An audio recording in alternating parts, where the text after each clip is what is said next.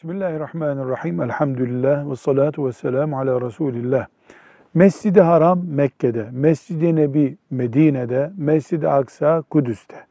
Bu üç mescidin sevabı kendi ekseninde çok yüksek. Bunun dışında yeryüzündeki bütün camiler, mescitler aynıdır. Ancak Müslümanın daha çok adım atarak, daha çok yürüyerek gittiği mescit daha çok sevap. İmamı daha iyi Kur'an okuyan, daha fakih olan bir mescit daha değerlidir.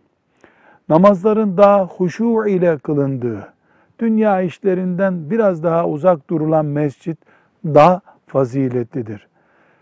Dolayısıyla Mescid-i Haram, Mescid-i Nebi ve Mescid-i Aksa'nın dışındaki mescitler, şahısların karşılaşacağı farklara göre farklılık oluşturur.